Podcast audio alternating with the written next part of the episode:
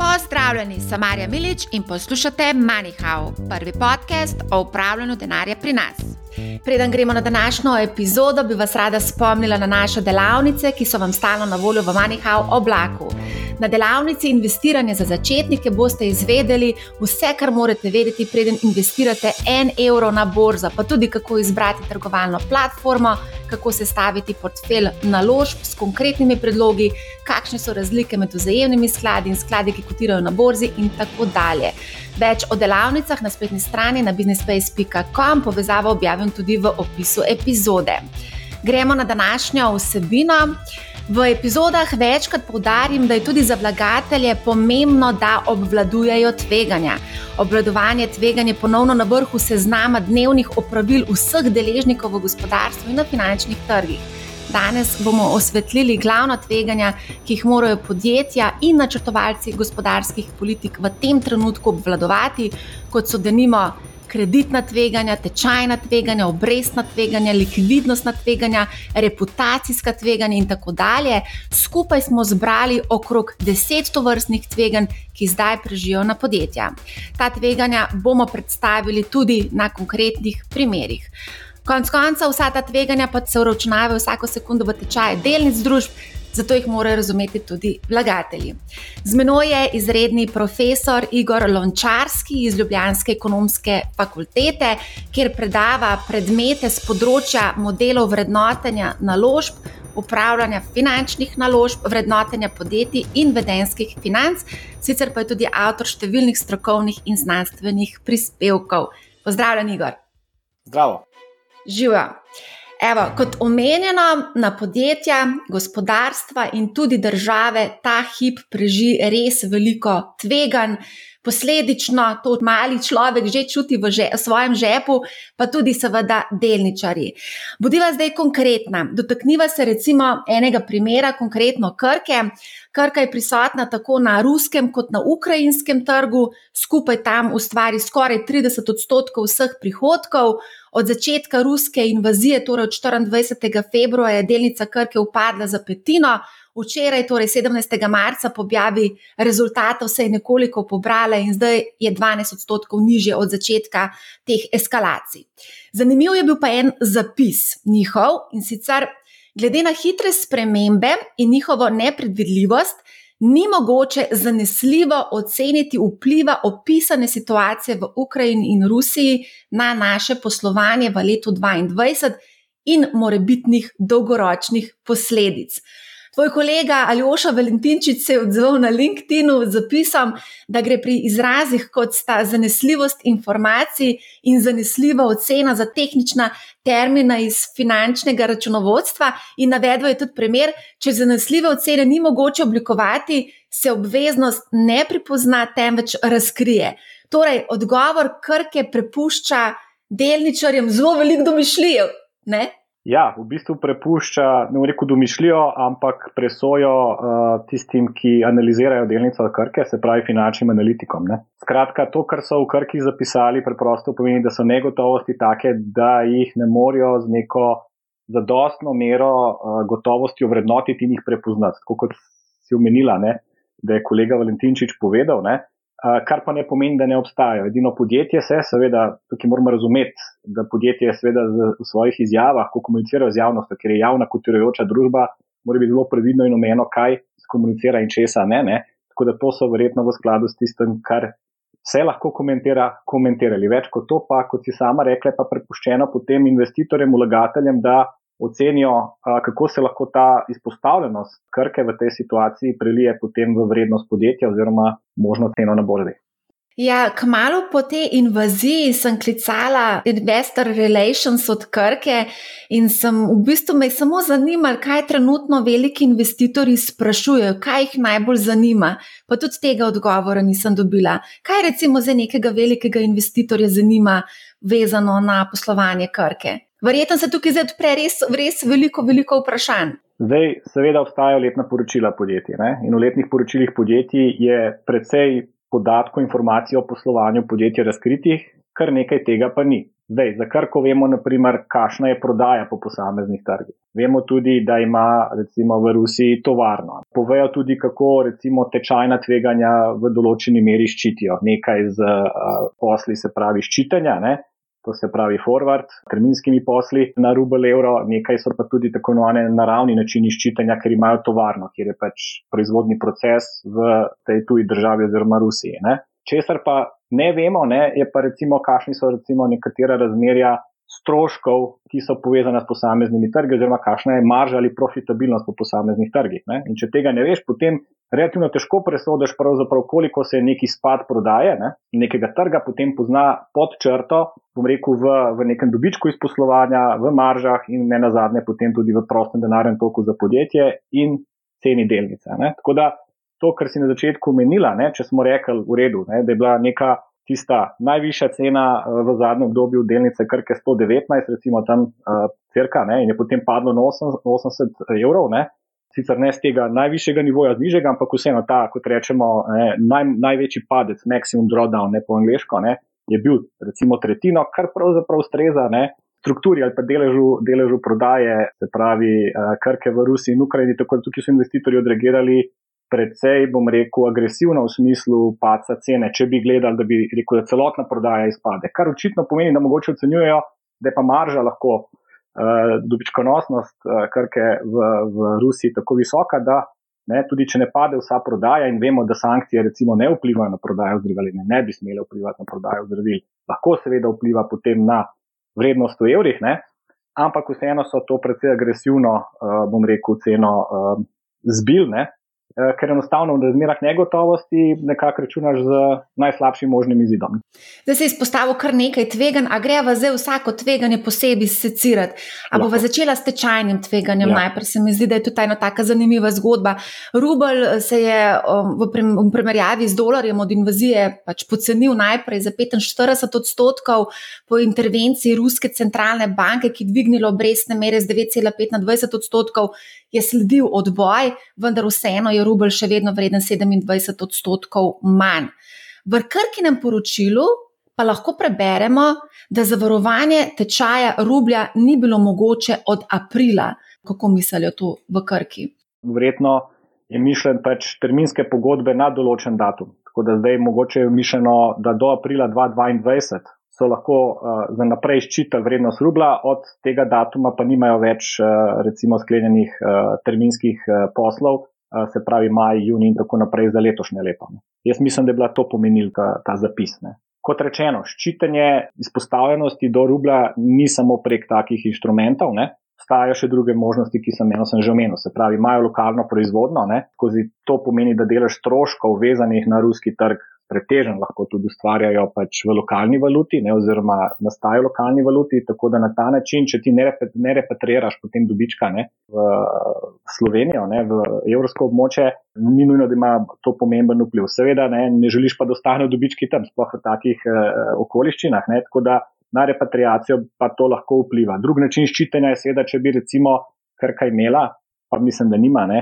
se pravi, kreditov v ruskih uh, rublih. Ne. To se pravi, da bi vem, podjetje v Rusiji najemalo posojilo pri ruskih bankah v rublih, kar pomeni, da spet ustvarjaš določeno izpostavljenost ne, na strani financiranja, na odhodkih v isti valuti ne, in potem te škarje med prihodki in odhodki, oziroma pritoki, otoki v denarju, pač na ta način zapiraš. To so pač neki, recimo, na hitro naravni načini, kako se da ta uh, valutna tveganja uh, uravnavati oziroma obladovati. Mhm. Omenjaš kredite, kreditna tveganja. Kaj, kaj konkretno pomeni kreditna tveganja v poročilu, kar recimo piše, da so ta zavarovana, te, te so uspeli zavarovati, medtem ko teh tečajnih tveganj pa niso mogli ja. zavarovati? Ja, zdaj v primeru Krke, ki je nefinančna institucija, seveda nefinančno podjetje, ko govorimo o kreditnih tveganjih, gre predvsem za izpostavljenost do kupcev. Se pravi, kupcem pač prodajaš z odlogom plačila, ker ima odlog plačila, pomeni, da pač proizvode že prejmejo, plačajo pa zamikom. Ne?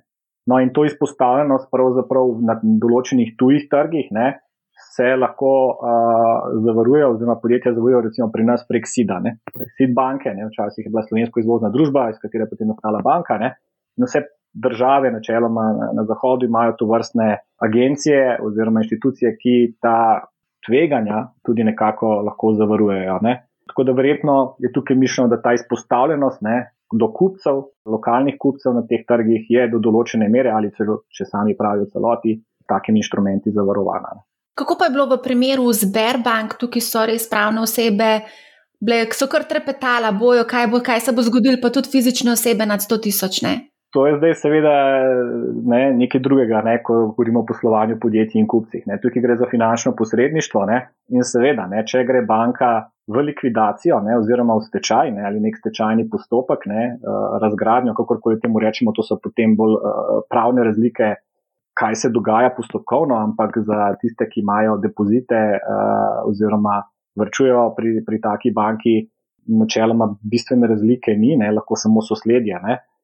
Bi seveda v tem primeru, če šla banka v likvidacijo, moramo razumeti, banka upravlja transformacijo ročnosti sredstev. Se pravi, niti najboljša banka strojni ima, ne? če pride do navala na banko, tega ne zdrži, ker banka načeloma ima na strani financiranja bolj kratkoročne vere ne? in odobrava dolgoročna posojila. To se pravi, posojila so tam, bodo postopno zapadala naslednjih, ne vem, če to trajanje 10, 20, kolikor let, ne? ti moraš pa naenkrat likvidirati ne? in, in to ne gre. Zato vedno obstajajo inštrumenti, kako se v to noter poseže. In tudi v primeru Sberbanke v Evropi, ne? Če se spomnite scenarijev, ali bi to prevzela, kupila banko neka druga poslovna banka, kar se je v primeru Sberbanke v Sloveniji zgodilo, ne?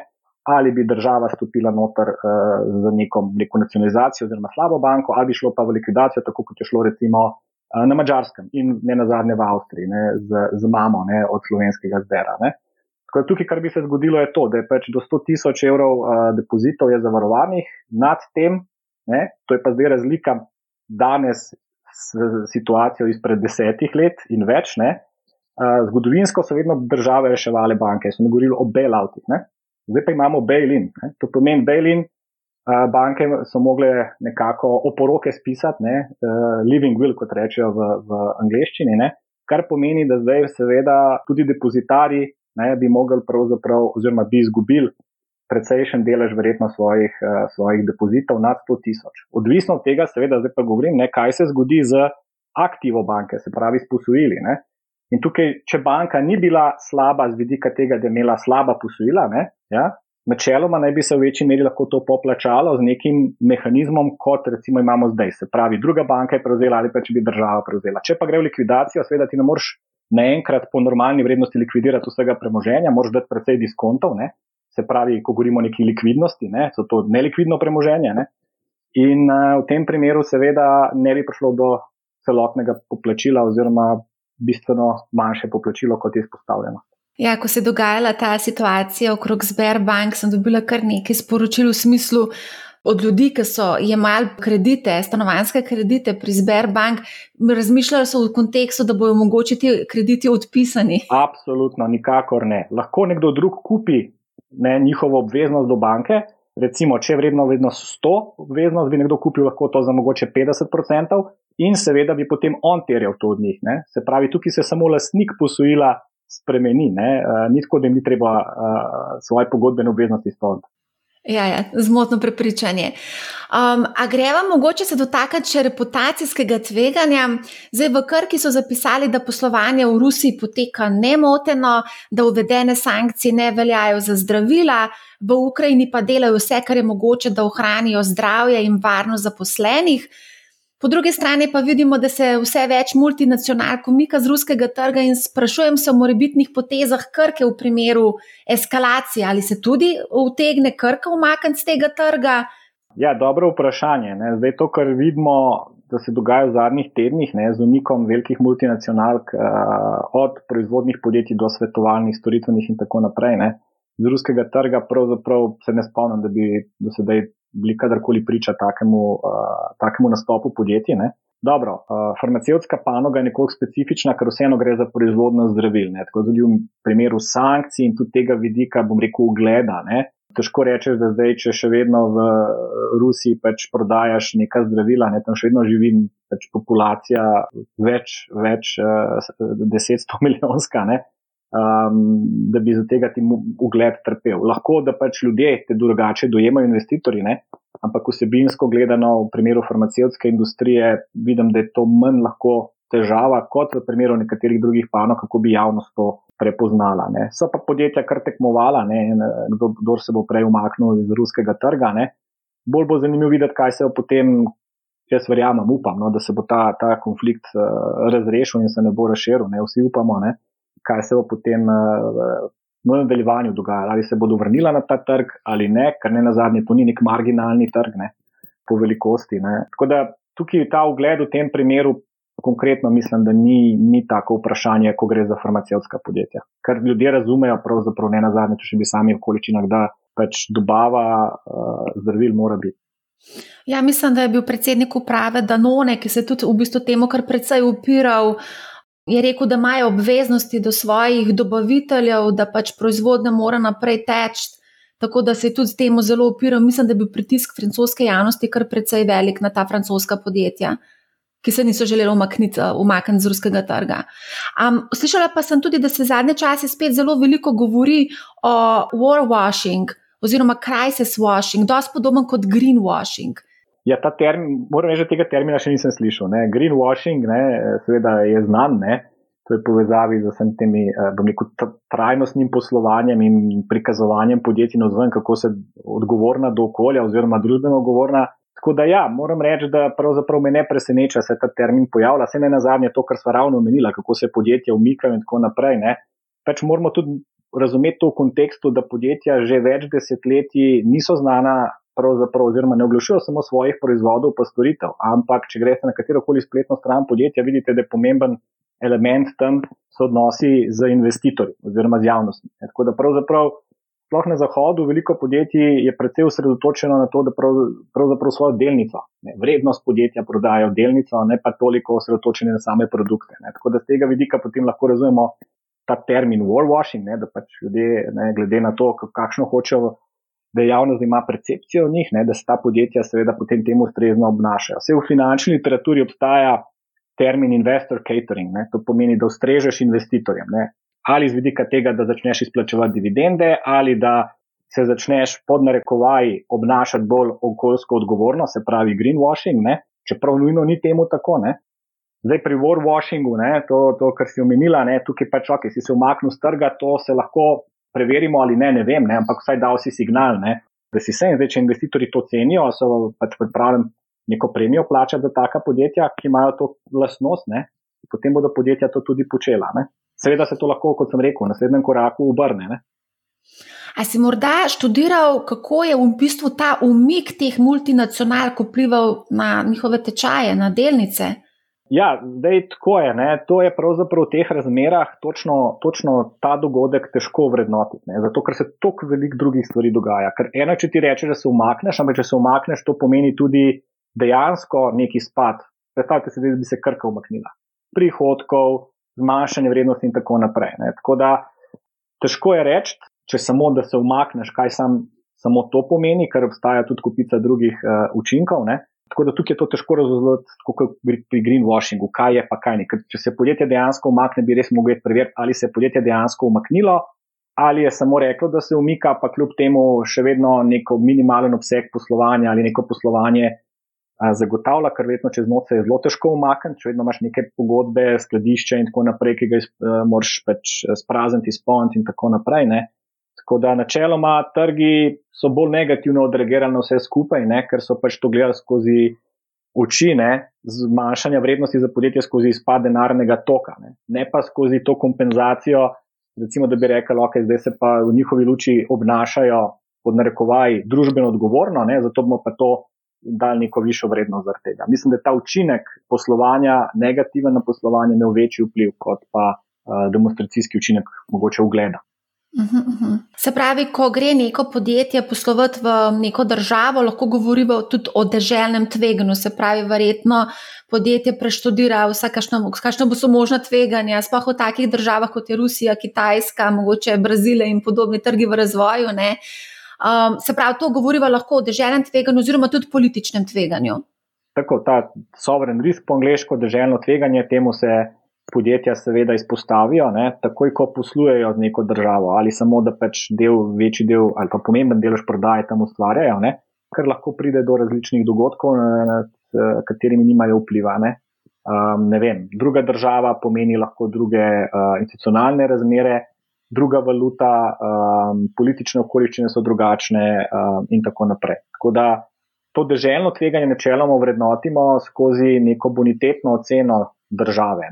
Ja, bolj tvegane države imajo tudi uh, nižjo bonitetno oceno in s tem neke pač določene pribitke, recimo, če bi gledali vem, zadolževanje teh držav. Ne? In tako da to jemljemo kot nek približek pravzaprav uh, izpostavljenosti do tega deželnega, deželnega tveganja. Tudi bonitetne agencije so zdaj malce korigirale svoje ocene, zlasti za Rusijo, pa Ukrajino je zgrmela ocena, kar konkretno na vzdolj. Ja, tudi niso nekako pričakovali te bonitetne. To smo ravno v prejšnji epizodi govorili, da pač enostavno tega ni bilo pričakovati in zato tudi bonitetne ocene niso, ne vem, ustrezno ukrepali oziroma podale svoje ocene. Se pravi, mogoče se dotakneva tudi tveganje inflacije koga boli dvig obrestnih mer, če inflacija še vedno više od obrestne mere? Recimo? Ja, zdaj tveganje inflacije načeloma ni novo. Ne? Mi, mi nekako ga zdaj zaznamo, ker je inflacija povečana. Ampak zdaj, če gledamo to v luči razmeri med, bom rekel, inflacijo ne, in pa uh, nominalno obrestno mero, je pravzaprav inflacija že dolgo časa višja, kot je nominalna obrestna mera na recimo depozite prebivalstva. Ne. To pomeni, da smo postopno s to mehko razliko, eno, eno, ene, eno in pol stotne točke, že vrsto let skupno moč zgubljali. Zdaj, seveda, je kar naenkrat ta razkorak v zadnjem letu dni, ali pa recimo izrazito od poletja lansko leto, postal večji, ne? sploh jeseni, ne? ker naenkrat se je začel dogajati, da je izprečakovanje dvostotne, šlo na 3, 4, 5, 6, danes živimo 8 odstotni inflaciji na letni ravni, zaradi svega tudi teh zadnjih dogodkov. Ne? Tako da zdaj smo postali bolj pozorni na to tveganje, ker nas bolj boli. Ampak, če gledamo skozi prizmo zadnjih 5-6 let, ne, smo precej kupne moči že izgubili skozi pač eh, te izjemno nizke obrestne mere, ne, zaradi pač eh, denarne politike uh, centralnih bank, ki je te obrestne mere uh, tiščala na ničli oziroma. Celo so podjetjem, če gledamo banke, pravzaprav so se te denarje zaračunavale tako imenovano ležarino za večje zneske. Zdaj je samo to postalo bolj očitno, ne? Koga zdaj to boli, seveda, ne, eh, če ti lahko preneseš v svoje prihodke višjo inflacijo, ne, se pravi, da nekomu prevališ na nekoga, ne, potem tega ne čutiš. Če pa tega ne moreš prevaliti, odhodki ti pa rastejo, ne, se ti škarje zapirajo. Podobno je z pač, posamezniki. Ne. Stroški rastejo, nimaš pogajalske moči, da si boš višjo plačo spogajal. To se pravi, podjetje na drugi strani seveda svoje odhodke uspe držati na nižji ravni in potem se pa tebi te škarje zapirajo. Če dalje v bistvu manj ti ostane, če ti je že prej, recimo, marsikomu ni ostalo, ki je dosto plače ali manj, zdaj pa še to večji izziv. In potem je treba seveda jeti v neke vrčevalne ukrepe, ne? nižja potrošnja in podobno. Ne? Ja, in katere panoge so tukaj najbolj na udaru? Najprej so najbolj na udaru, seveda, panoge, ki so proizvodne. Ja, tam, tam je, se pravi, v proizvodni je seveda pomemben delež so surovine ne? in če gremo po tem ciklu ali pa po hierarhiji panog od primarnih, predelovanih in tako naprej, ne? seveda najprej se začnejo inputi dražiti, ne? Če gremo skozi energente in, in osnovne, uh, se pravi, surovine. Ne? In tam se bo najprej poznal. Potem bo vprašanje, v kakšni meri lahko oni to prevalijo naprej na svoje kupce. Tukaj je pomembna pač velikost podjetja, pogajalska moč in tako naprej, pa tudi seveda v kako hitrem času lahko to prevalijo. Um, zdaj, naj, najmanj se bo verjetno poznalo, ali najpozneje se bo poznalo pri storitvenih. Ne. Tam je večji del stroškov, so stroški dela, uh, tiste verjetno dalj časa lahko nekako tiščiš nazaj, razen seveda potem se začnejo, seveda sindikati, pogajanja in tako naprej. Tisto bo verjetno šele v naslednjem koraku sledilo ne. in potem se začne spirala. Ne. Tako da v bistvu postane tekma. Kdo bo pravzaprav hitreje nekaj ugradil, ne? ker se zaveda, da na naslednjem koraku bo, seveda, do drug bo nazaj prišlo. Ne? Tako da govorimo o neki spirali. Ne? Prej sem omenil obrestne mere, kratkoročne, dolgoročne obrestne mere rinejo na vzgor, slednje tudi v Evropi. To seveda predstavlja težave za tiste, ki so nadpoprečno zadolženi. Krka nima finančnega dolga. Ali to ne. pomeni, da nima niti obrestnega tveganja? Klasičnega obrestnega tveganja z vidika, da bi uh, obrestne mere na posojila uh, rasle in bi s tem v bistvu breme posojila se povečalo, nima. Ne?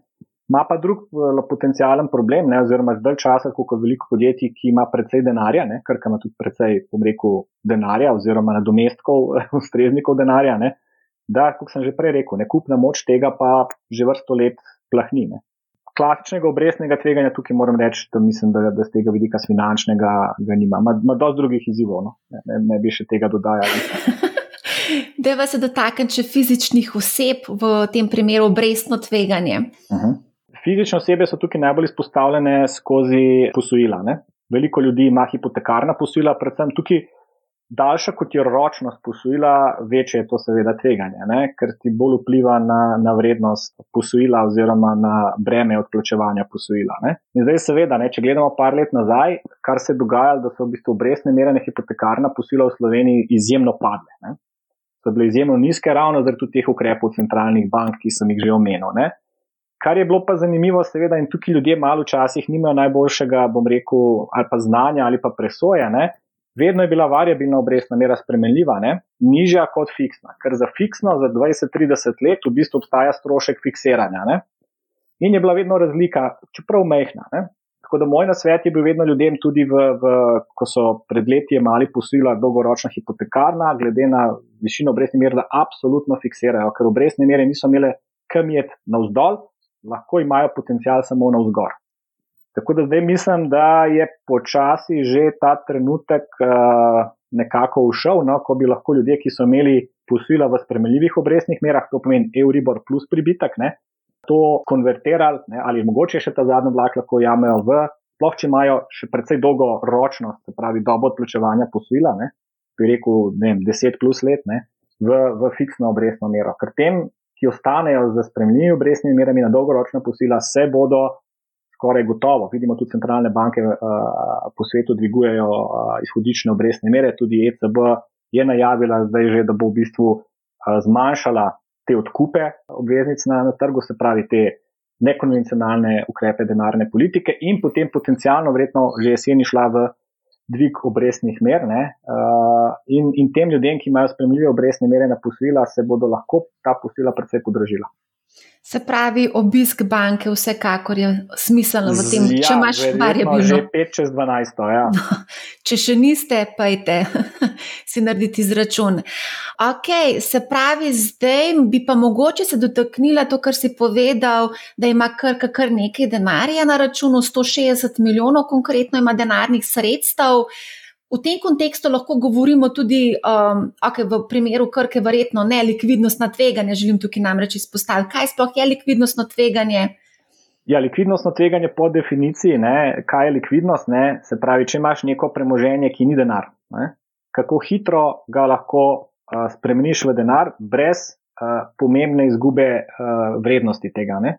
To pomeni, nekaj, nekaj se šteje kot likvidna naložba, če jo dovolj hitro lahko pretvoriš v denar, se pravi od prodaž, pri čemer zelo malo vrednosti ocenjene te eh, naložbe izgubiš, potem, ko se to pretvori v denar. Oziroma drugače povedano, kakšen diskont bi moral dati, zato da lahko to hitro storiš. Ne. In uh, manj, kaj je likvidna naložba, ne, zato da hitro jo pretvoriš v denar, večji diskont uh, moraš dati. Prej sem, ker je bilo vprašanje zber banke, ne, se pravi, če bi mogel prodajati uh, portfelj na uh, kreditov. Ne?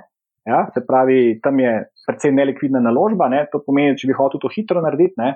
Uh, temu rečejo tudi v angliškem jeziku fire sales, ne? se pravi razprodaja, ne? bi moral reten ponuditi precejšen diskont, da bi se to najdel, da bi to tebe odkupil. Ker potem on prevzame to naložbo, ki je nelikvidna in je seveda v, v računu to tveganje skozi ta diskont. Ne? Tako gledamo na likvidnostno tveganje, to pomeni, če nimaš denarja v roki, ne? Ali nečesa drugega, kar je zelo likvidno kot denar. Ne?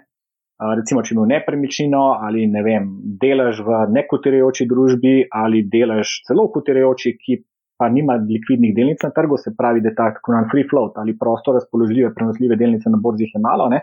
si izpostavljen precejšnjemu likvidnostnemu tveganju. Ja, no, mogoče se lahko dotaknemo tudi ruskih delnic, ki jih ja praktično ne moreš prodati na moskovski borzi, ker je moskovska borza zaprta od 24. No. februarja ne? in bo verjetno še kar nekaj časa. To postane, to niti ni več likvidnostno, to je v bistvu uh, že niti ni trga več za to. Ne? Se pravi, mislim, uradnega trga. Verjetno bi lahko izven tega najdel nekoga, ne, da bi to bil tebe pripravljen kupiti. Vprašanje je, kako potem z poravnavo urediš uh, prenos lasništva. Ne vem, kako imajo zaprt, trga ni, mogoče je še vedno clearing oziroma prenos lasništva dela, ne vem, ne, ampak uh, to je potem neobstoječ trg. Ne. In ko ni obstoječega trga, se vzpostavijo usporedni mehanizmi, kjer je se vedno najde nekdo, verjetno, ki je pa tudi za ena, dva odstotka vrednosti ne, pripravljen nekaj prevzeti. Se ne na zadnje smo imeli te zgodbe tudi s podrejenimi obveznicami, uh, podrejenim dolgom bank v Sloveniji pred leti. Ja, zato smo tudi, mislim, da je na dve epizodi nazaj govorili o teh hedge skladih, ki zdaj investirajo v to vrstne naložbe.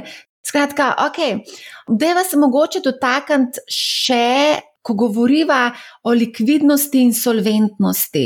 Primer kitajski nepremičninski razvijalci imajo težave s solventnostjo. Deva razložiti, kaj sploh je likvidnost in kaj je solventnost. Torej, likvidnost smo že povedala, eh, zakaj gre. Solventnost pa preprosto pomeni, če greš premožensko bilanco, da je vrednost obveznosti večja od vrednosti premoženja. Ne?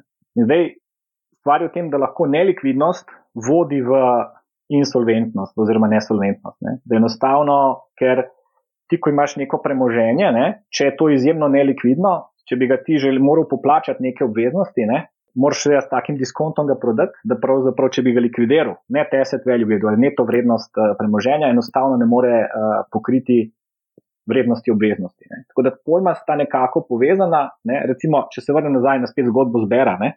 to, kar se z zberom dogaja, se je začelo z likvidnostjo. Se pravi, v neki točki je regulator prepoznal, da, bank, da ima banka težave z likvidnostjo in ne bi mogla izpolniti v nadaljevanju trenutnih uh, želja, recimo vrčevalcev, depozitarjev, ki so začeli verjetno uh, denar umikati. Ne. In seveda potem lahko to pelje v insolvenčni postopek, se pravi, če mogoče z noč ti razgraditi premoženjsko bilanco banke. Ne. Tako da pri nepremičninskih podjetjih je lahko zgodba uh, podobna. Ne. ne na zadnje, veliko gradbenih podjetij, nepremičninskih, tudi v Sloveniji v preteklosti, je bilo tako iz roko v usta. Ne. Se pravi, da si ti z novim projektom, z novim denarjem, likvidnostjo, ne, pravzaprav poplačeval obveznosti iz preteklega. Ne. In ko enkrat se to ustavi, ne, potem v bistvu nastopi insolvenčnost oziroma nesolventnost. A bi temu lahko rekel denarna piramida na nek ja, način? Ja, pravzaprav, ko manjka pritoka, ne, tako kot novih igralcev ni, ne, novega denarja ni, se potem seveda uh, stvar sesuje. Ne, če tisti spodaj pričakujejo, seveda, da bodo ne, poplačani. Ne. Ja, ja. Nekateri bi rekli, da je tudi naš pokojninski sistem tako naravnan. Ampak dobro, to je debata za kdaj drugič. Okay. Greva mogoče se dotakniti še bankrota države, recimo zdaj, ok, bankrot podjetja, a pa države, mogoče tukaj lahko malo pojasnimo, glede na to, da je zdaj Rusija zanimiva tudi z tega vidika, ali bo država bankrotirala, mm. bankrotirala ali ne. Ja, zdaj seveda, ne, idejno gledano je zgodba enaka. Enostavno bankrotiraš takrat, ko ne izpolnjuješ svojih pogodbenih obveznosti. Ne. Zdaj, zakaj je to, ali si nelikviden ali si nesolventen, ne, to je seveda ne, drugo vprašanje. Zdaj, država je nekoliko specifična, glede na podjetje. Podjetje ima neko premoženjsko bilanco. V državi je to premoženjsko bilanco težko vzpostaviti. Ne? In država lahko bankrotira pravzaprav zgolj v, v odnosu do tujih upnikov v tuji valuti. Se pravi, ne vem, ZDA, vidimo, kaj se dogaja. Vsakega pol leta, leto se kongres sestane, senat in dvignejo stopnjo zadolževanja ne? v dolarjih. Oni nimajo zunanjega dolga. Argentina je ravno tako v bistvu bankrotirala uh, zaradi zunanjega dolga v ameriških dolarjih, ne zaradi dolga, ki so ga imeli interno v svoji valuti. To je, to je ena specifika države, druga specifika države, glede na podjetje, je pa ta, ne, da bom rekel, bankrot države ne, do zunanjih obveznosti ne, uh, ima bistveno večje, seveda, posledice, zato ker je država toliko večja in sistemska entiteta. Ne. Se pravi, Tam je tudi veliko nekih pogodb vezanih eh, na zmožnost države, eh, njeno bonitetno oceno in tako naprej. Tako da je potem, eh, bom rekel, ta udarni val bankrota države bistveno močnejši in se prenese potem tudi na podjetja in na njihove, njihovo poslovanje, zmožnost njihovega poslovanja, predvsem eh, na, na tujih trgih. Ja, a zdaj Rusija je tik pred bankrotom? Kot sem na zadnje bral, so obveznosti do posojilo uh, dajalcev v dolarjih uh, poravnali.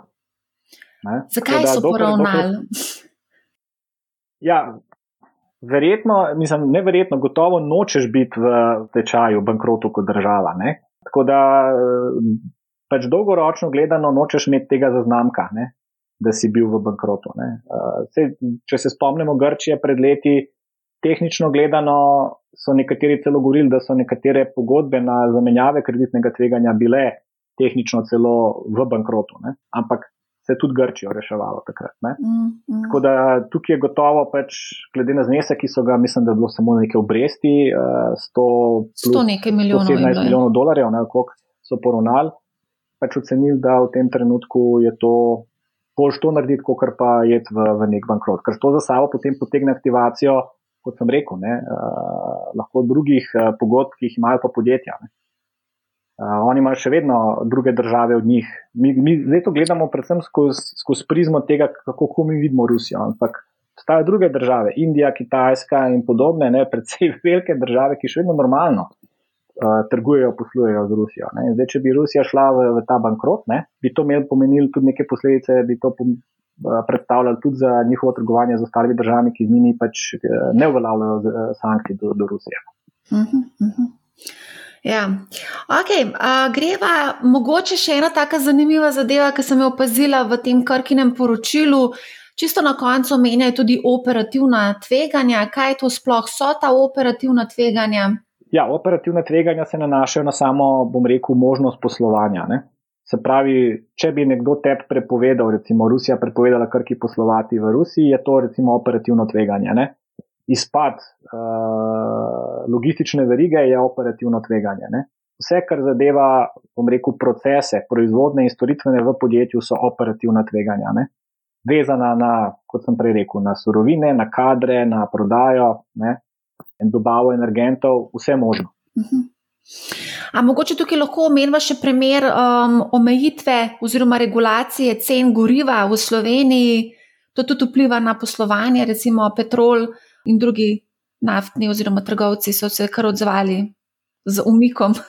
Ja, zdaj mi ne vemo konkretno, kakšne imajo strukturo cene in dobavne verige, se pravi eh, ponudniki eh, energentov oziroma pogonskih goriv. Tako da, ko jim je država predpisala najvišjo, pa niti ne strukturo cene, ampak malo prodajno uh, ceno, ne, je pač tukaj omejila. Um, zdaj, seveda, ljudem, ljudje gledajo preče, da cena nafte na, na borznem trgu pada, ne, hkrati pa nam uh, cena goriva na črpalkah pa raste. Ne. Zdaj Slovenija tukaj ni bila izjema. Ne. Če pogledamo soseščino, pa druge evropske države, tudi ne, Nemčijo naprimer, in tako naprej, ne, so bile zgodovinske vrednosti cen goriv na črpalkah. Ne.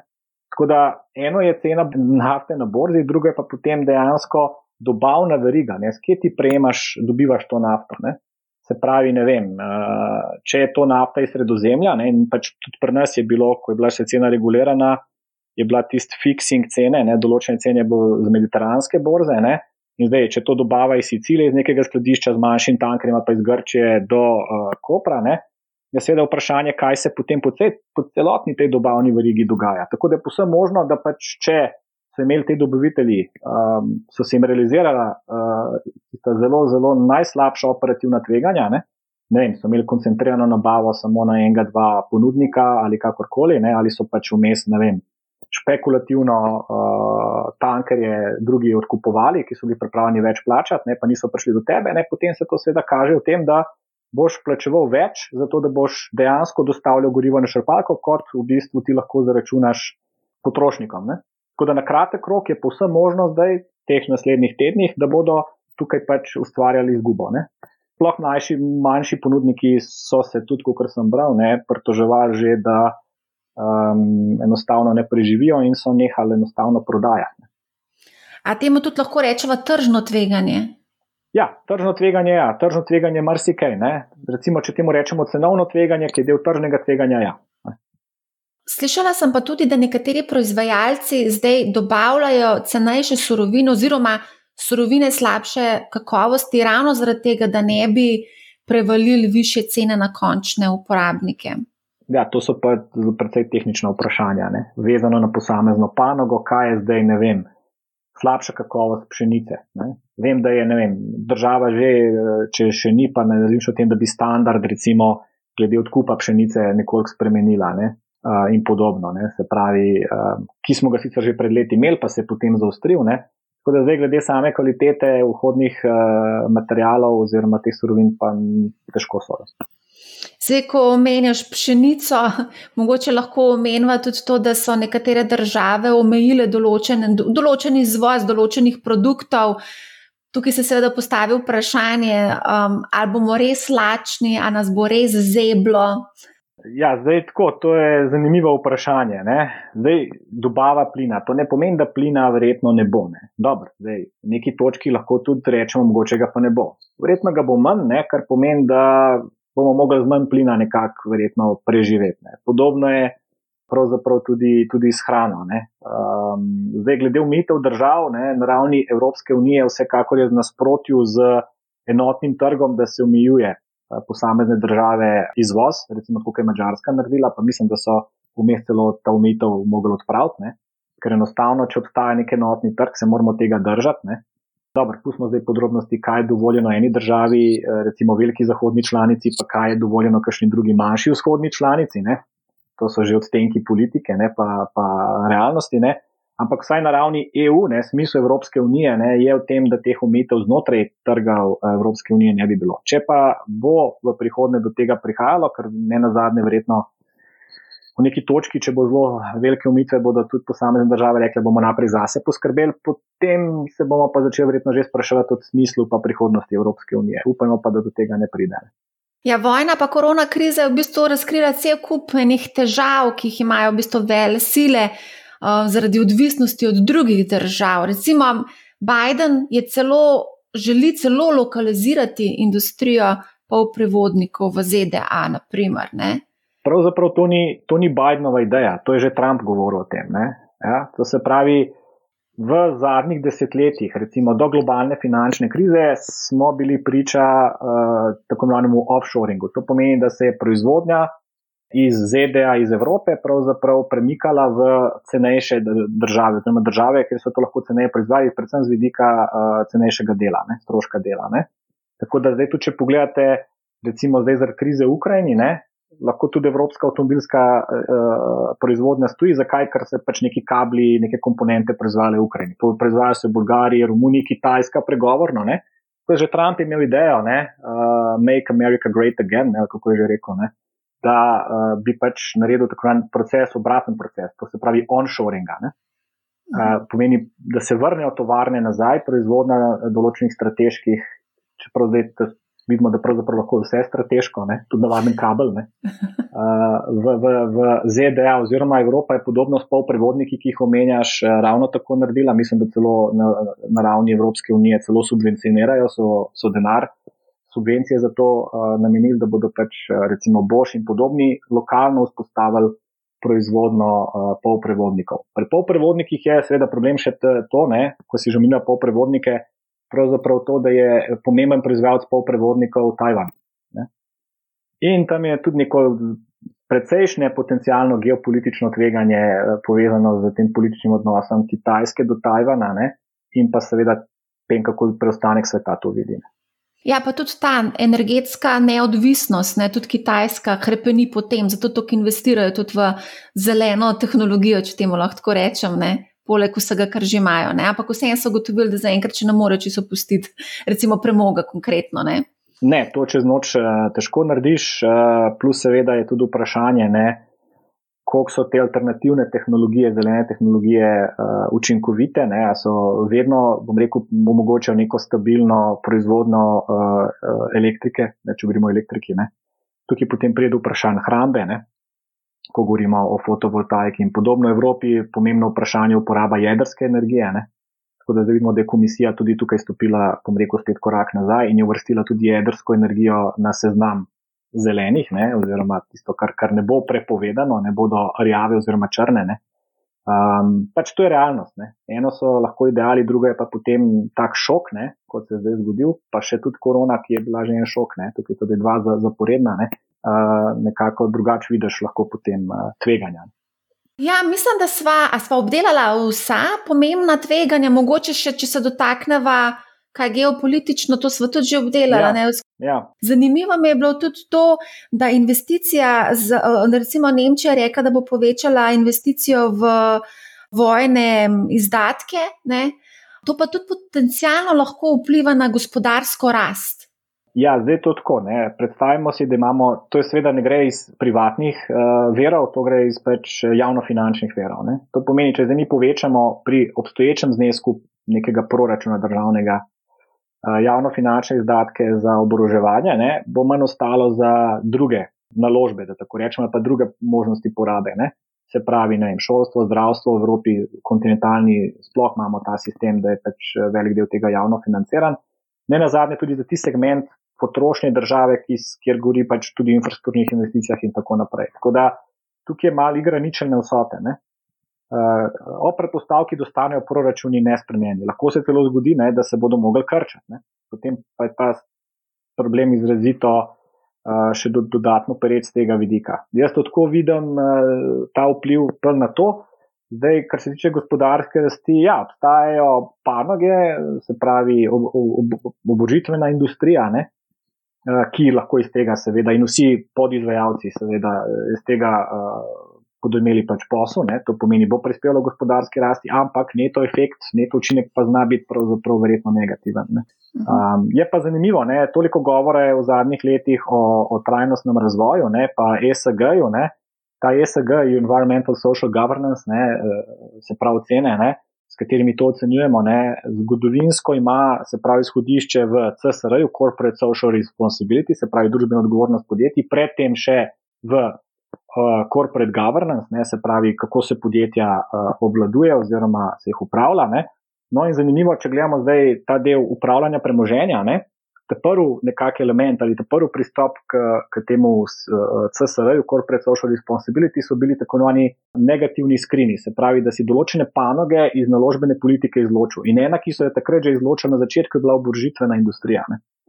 Tako, zdaj smo očitno bomo naredili um, salto, ne cel krog in bomo prišli nazaj na oboroževanje.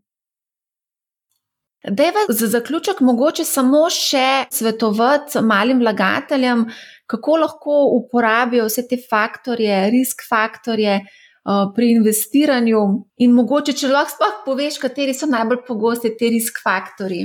Do, to je dobro vprašanje. Zdaj, tako, doskrat bom rekel, že zdrava kmečka pamet uh, naredi 90%, ne? ni treba biti uh, strokovnjak. Ne? Tako da, zdaj, ko, ko gledamo, zakaj mi v bistvu neko, investiramo neke prihranke v nek premoženje, ne? imamo nek namen. Ne? Zdaj, večina ljudi bo to delala na dolgi rok, dolgoročno vrčevanje, večina bi nas mogla že zdaj, pa pač nekateri nimajo možnosti, ki nimajo presežkov vrčevati za pokojnino. Ne? No, in zdaj, tako, kako mi vrčujemo na dolgi rok? Ne? Pomemben element vrčevanja je, pa, pa upravljanja premoženja, ne? premoženske teorije, kot rečemo v financah, je razpršitev, učinek razpršitve. To pomeni, da ne daš vsega premoženja v eno naložbo, ampak razpršiš med različne naložbe. Ne samo med različne delnice, ampak različne vrste naložb. No, in potem obstaja še ta nek v bistvu teorija življenjskega cikla, da pač, ko si mlajši, si nekako lahko prvoščeš več tveganja, ker imaš daljši časovni horizont vrčevanja, več žaš v delnice in potem, ko se približuješ točki upokojitve, nekako se premikaš proti bolj podnarekovaj uh, manj tveganim uh, naložbam. Ne? Zdaj, če sam posameznik nima tega, bom rekel, znanja, izkušenj, enostavno obstajajo skladi, ki, ki to počnejo, pokojninski skladi, ki upravljajo. Um, drug vidik pri uh, investiranju je pa tako, da se reče pasivno investiranje. Drug vidik je pa aktivno, to pomeni, da poskušaš potem, če si mal bolj, bo rekel, napreden investitor z nekim temperanjem trga, izborom naložb, nekaj dodatno ustvariti. Ne? Zdaj, za 99% vrčevalcev je posameznikov je to pasivno investiranje na dolgi rok uh, posem zadošča. Ne?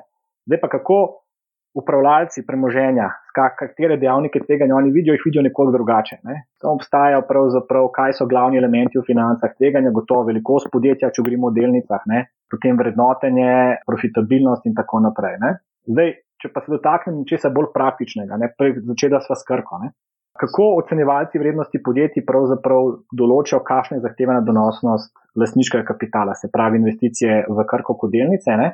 uporabijo večinoma v praksi preprost model, ki izhaja tudi iz teorije CAPM, se mu reče, ne, se pravi model določanja cen dolgoročnih naložb. To pomeni ne tvegana stopnja donosa plus nek pribitek za tržno tveganje. Ne.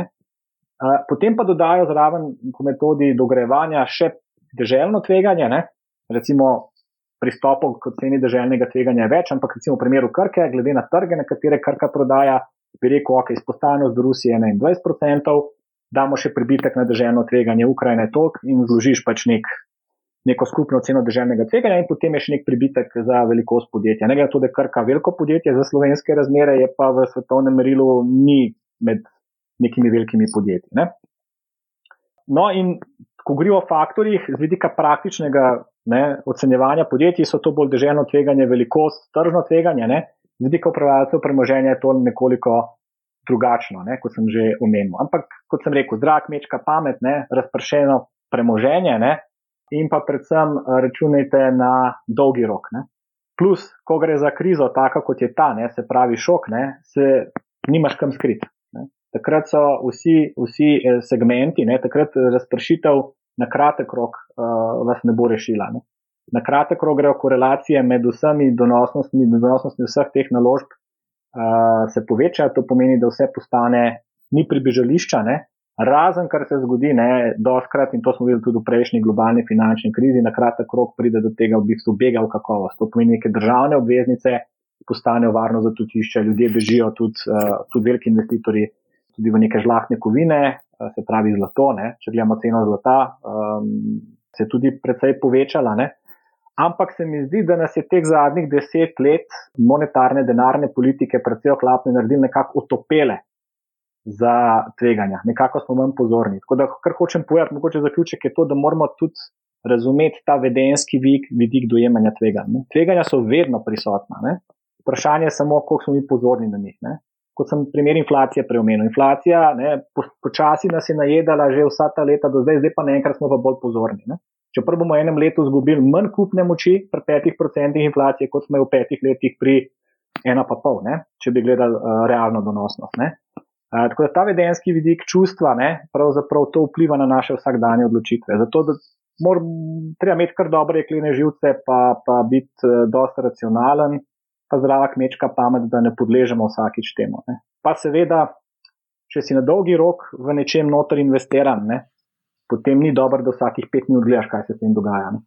Ja, to je res. Se mi pa zdi, da ob nek takih eh, scenarijih oziroma eskalacijah, ki se zdaj dogaja, da so ljudje vseeno malo bolj pozorni in mogoče tudi celo bolj prestrašeni in ja, iščejo neko varno prebežališče. Ugotovila sem, da še vedno slovenci bežijo zelo radi v nepremičnine, se pravi, da tiste tiste naložbe, ki se jih lahko dotakneš, se pravi zlato in nepremičnine. To je tisto, ker tudi evro v žepu je še vedno papir, ne, ki je fiat denar, se temu reče. Nima, nima vključene vrednosti v papirju, ampak to, kar nekdo misli, da je vredno. Ne. Da je še vedno verjamemo, da žlahne kovine, zlato, srebro, ne, paladi, ne, celo diamanti, zdaj ponovno, ki kupujejo že diamante. Ne. Uh, nepremičnine so recimo tudi taka tradicionalna, bom rekel, uh, slovenska naložba, ampak vsako popraševanje, ne, seveda, dvigne ceno, ne, presežno popraševanje. Ne. Moramo razumeti, ker so začela pogovor s Krko, ne, da eno je vidik, kaj je vrednost podjetja. Ko ti ocenjuješ podjetje, ne govorimo o velju, vrednosti. Ne. To pomeni, v financah rečemo, ena izmed metod ocenjevanja vrednosti je sedanja vrednost prihodnih denarnih tokov pričakovanih, za katere mislimo, da jih bo podjetje ustvarilo, ki jih prevedemo na danes, tako da to diskontiramo, kot rečemo, z neko zahtevano stopnjo donosa, ki ne bi odražala vsa tveganja s temi denarnimi tokovi. Drugo je pa cena, ki se ustvari na borzi. Ne. Cena na borzi je preseg ponudbe in popraševanja. In ta ponudba in popraševanje odražata marsikaj drugega. Vse ostale tveganja, ki smo jih eh, veliko pač že naštela, plus sentiment vlagateljev ne, in podobno. In zato, če se vrnem nazaj na to topelo zadnjih x let, ne, eh, zaradi denarne politike in poceni denarja, to se kaže tudi v tem sentimentu. Ne. Evropa ni toliko spet pri teh vrednotenjih uh, izpostavljena, ampak če gledamo v ZDA, ne, so te večkratniki, cen, glede na dobiček eh, na delnico iz poslovanja in podobno, na zgodovinsko visokih eh, vrednostih. Ne. Zato tudi ne preseneča toliko, če gledate nekatere delnice ne, v ZDA, ne, recimo tehnološke, da so izgubile predvsej vrednosti v zadnjih 3-4 leta. Ne. Twitter, Facebook in podobno. Ne. Tako da, ja, tukaj treba paziti, kaj je cena, pa kaj je vrednost. Ne. Vedno moraš tudi razumeti, dobro, za lajčno javnost to je težko, ne, ampak kaj je tisto, kar je vrednost. Ne. Podobno je tudi z, z temi kripto kriptonaložbami. Ne? Kaj je tisto, kar je nek poslovni model, ki je zadaj? Ne? Kaj je tisto, kar bo ustvarilo vrednost? Ali je to samo prepričanje nekoga, da bo to jutri vedno več in bom zato kupil, da bom lahko jutri. Dražji prodal. Ja, ja, s tem se kar pogosto ukvarjamo, iščemo odgovore na ta vprašanja. Danes zjutraj sem pa celo videla, da je Ukrajina sprejela uh, ne vem, zdaj, ali kriptovalute kot take ali samo Bitcoin za zakonito plačilno sredstvo. Tako da zdaj bo ta druga država očitno. Ja. Po, je, tako da, ok. Najlepša hvala za super, super debato. Jaz mislim, da smo kar veliko zanimivih informacij dali našim poslušalcem. Pa mislim tudi, da marsikdo sploh ni razmišljal v, v, o vseh teh tveganjih v takem kontekstu. To, da mi, tako da se mi to zdi odlično. Uh, odlična popotnica tudi za vse investitorje, ki se bodo podali na to pot, mogoče zdaj še zbirajo pogum, mogoče se, so se zdaj prestrašili, in pa za vse tiste, ki so zdaj na trgu. Tako da iskrena hvala. Ja, ni za kaj, hvala tudi tebi. Hvala tudi poslušalcem in gledalcem. Če imate kakršno koli vprašanje, mi pišite na marja.afnabusinessspace.com ali preko katerega od družbenih omrežij. Naročite se na podcast Manihau, zelo bom vesela, če boste posredovali informacijo o podkastu prijateljem, znancem, sorodnikom in vsem, za katere menite, da bi jim vsebina lahko koristila. Poslušajte Manihau, ne bo vam žal. Lep pozdrav!